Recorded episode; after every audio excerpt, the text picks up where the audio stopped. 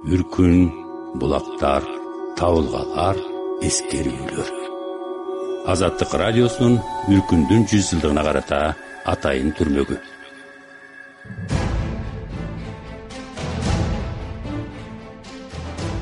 Беделге жеткенче эки түн өдүбү үч түн өдүбү эсинде калбаптыр.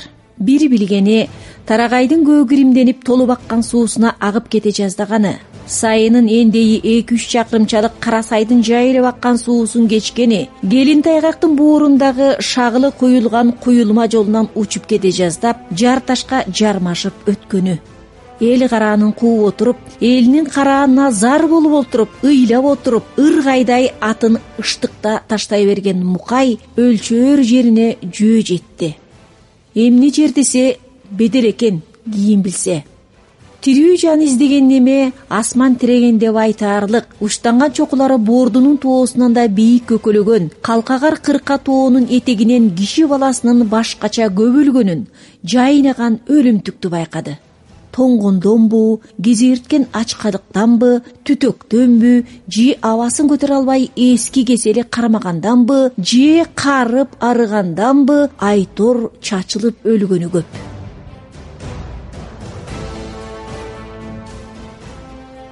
этегинин чөбү суйдаң бийиктеген сайын өңкөй кара жылга караңгыга калсаң сүрүнөн жүрөк жарылчудай. Туш тарабы туюк көрүнгөнү менен бели үч айрылыш коктунун ортоңкусуна жатканын өйдөлөп кеткен чыйырдан сонорлоп жааган жер бетиндеги изден билди.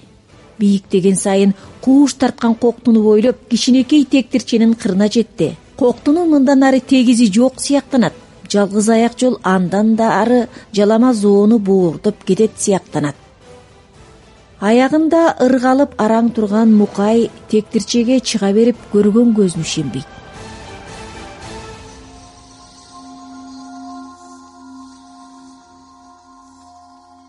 Тектирче толо өлүк кадам сайын тороюп өлүп жаткан кишилер балапандай оозун ачып өлүп жаткан балдар жалгыз аяк жолду талашып жардан кулап өлгөндөрү түпкүрдөгү күрткүнүн караарган оозунда шыкалат.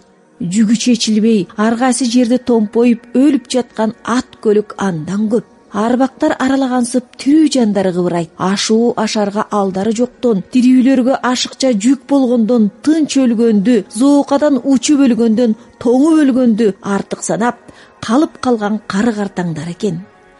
Кайсы элденсиң балам? Деп сурашат. Тааныш ала кийиз көзгө урунду оюсунан тааныды. Калаба чыгаар күнү ийленген кудаяндын тамгасы түшүрүлгөн ала кийиз эмеспи мына бул? Мукай жакындады. Тобо ташка жабылуу экен десе бирөө жамынып отургандай жакшылап караса бүк түшүп башын салаңдаткан уйпаланган жука ак чачы тароосунан жанып жүзүн жапкан жалгыз кемпир отурат. Жарыктык кара кыз апасы отурат. Ала кийизди үстүнө алачыктай чөргөй салып суксоюп отурат. Беделдин ээси кейиптенип ээги титиреп арык денеси калчылдайт. Кимдир бирөөлөр жанына азык калтырмыш этишкен го өзү тытмалаганбы же бирөө чалып кеткенби чачылып жатат эки үзүмдан беш алты тоголок курут. Тирүү жан басып жүргөнүнө таңыркагансып кайгылуу жылтыраган кычыгына жаш толгон көздөрү менен мукайды карады. Таанып карадыбы тааныбай карадыбы мукай билбейт өңүлө калып ыйлап ийбей карманып сурады. Апа биздин эл белди качан ачты? Сизди жалгыз калтырып кантип кетишти? Башын ургулап боздоп ийди апасы кудай мени албады кудайандын алдына кетсем арманым жок эле. Мукай тыңшайт. Кара кыз апасы качанкы өткөн аталарынын качанкы өлгөн апаларынын атын атап ыйлайт. Ошолордун артынан бачым кетсем арманым жок эле. Ат арбактын артынан кетсем арманым жок эле. Кудай мени албады? Апа эл каякта? Элиң келин тайгакта учуп өлдү балам бешиктеги баладан бери учуп өлдү. Келин тайгак баарын жутту. Мукайдын үрөйү эми учту келин тайгак дегениң кыл көпүрө эмеспи? Үстү зоо асты күкүктөгөн суу кыясында салт киши араң баткан боорунда куюлуп турган жолу бар жер. Кум шагылы токтобой куюлган жолдон аттасаң аттатың жаза бассаң түз эле түптөйгө ыргып күкүктөнгөн сууга түшөсүң. Өтүп көрбөдүбү ал жерден карааның жалгыз балам камбарым каякта деди кемпир мукай жашырган жок. Орустун колунда калды. Чогуу түштүк эле соокалап мени качырды деди. Нарботочу жондо атышып тирүүбү же өлүбү мукай унчукпай калды. Камбарды ээрчиген көп жигиттин дайыны жок. Түгөл колго түшкөн деди мукай кемпирдин соңку үмүтү үзүлдү чарт үзүлдү. Алаканы чала жайылып арык колдору акырын көтөрүлдү. Мукайга чоң энеси акылдан адашып бараткандай көрүндү. Кемпирдин көздөрүнүн кычыгынан жаш сыгылат. Кары кишинин жашы да кургап калат окшобойбу мончоктой болгон жаш мөлт этип сыгылып бырыштуу бетине туруп калат. Боздогону катуураак ботодой боздойт тукумуң менен туна чөк деди. Кимдир бирөөнү жанын кашайткан кимдир бирөөнү урушту. Мукай кемпирдин жеңинен тартты. Апа кетели мен калтырбайм сени алып кетем деди. Кемпир убара болбо балам ушул жерде өлөм дегенчелик башын чайкады кудаяндын тукумун курут кылгандар жакшылык көрбөсүн. Эки дүйнөдө жакшылык көрбөсүн. Кудаяндын убалы жетсин түбүнө.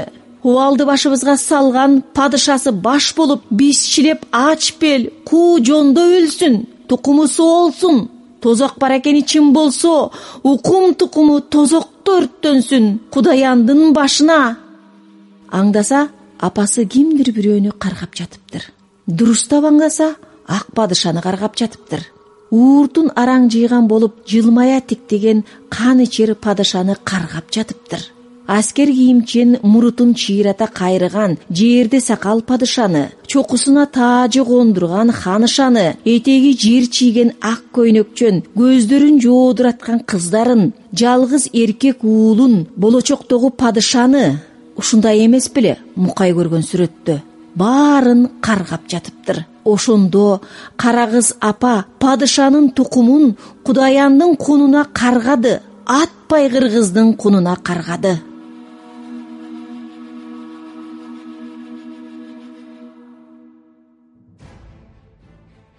Алыстан мылтыктын тарсылдаганы угулат солдат атылбай калган эликтей бирин экин адашып жүргөн кыргыздарды кууп жүрөбү же мергендер менен атышып жатабы билинбейт.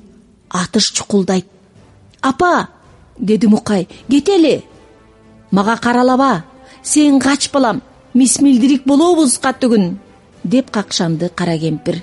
Күн жарыкта беделден аш жаныңды сакта жаныңды! Тилегеним сенсиң сенин амандыгыңды тигил дүйнөдөн да тилейм! апалаган мукай кара кыз апанын жеңинен тартты. Кемпир жеңин тартып алды. Кач балам деди.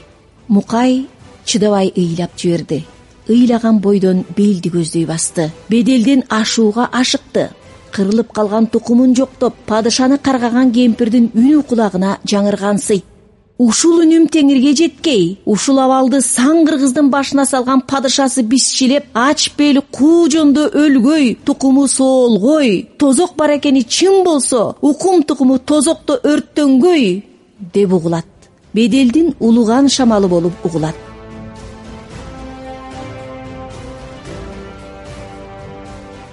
эптеп чыйырдын учуна жетсе ала мөңгү баскан беделдин белине чыкса жаны калчудай сезилди мукайга.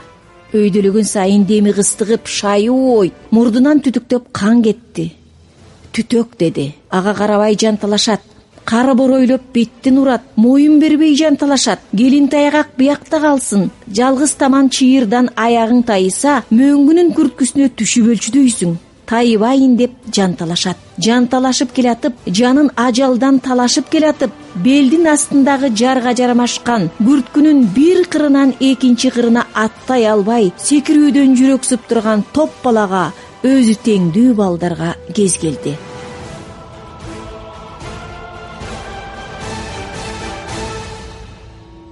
Үркүн булактар табылгалар эскерүүлөр азаттык радиосунун үркүндүн жүз жылдыгына карата атайын түрмөгү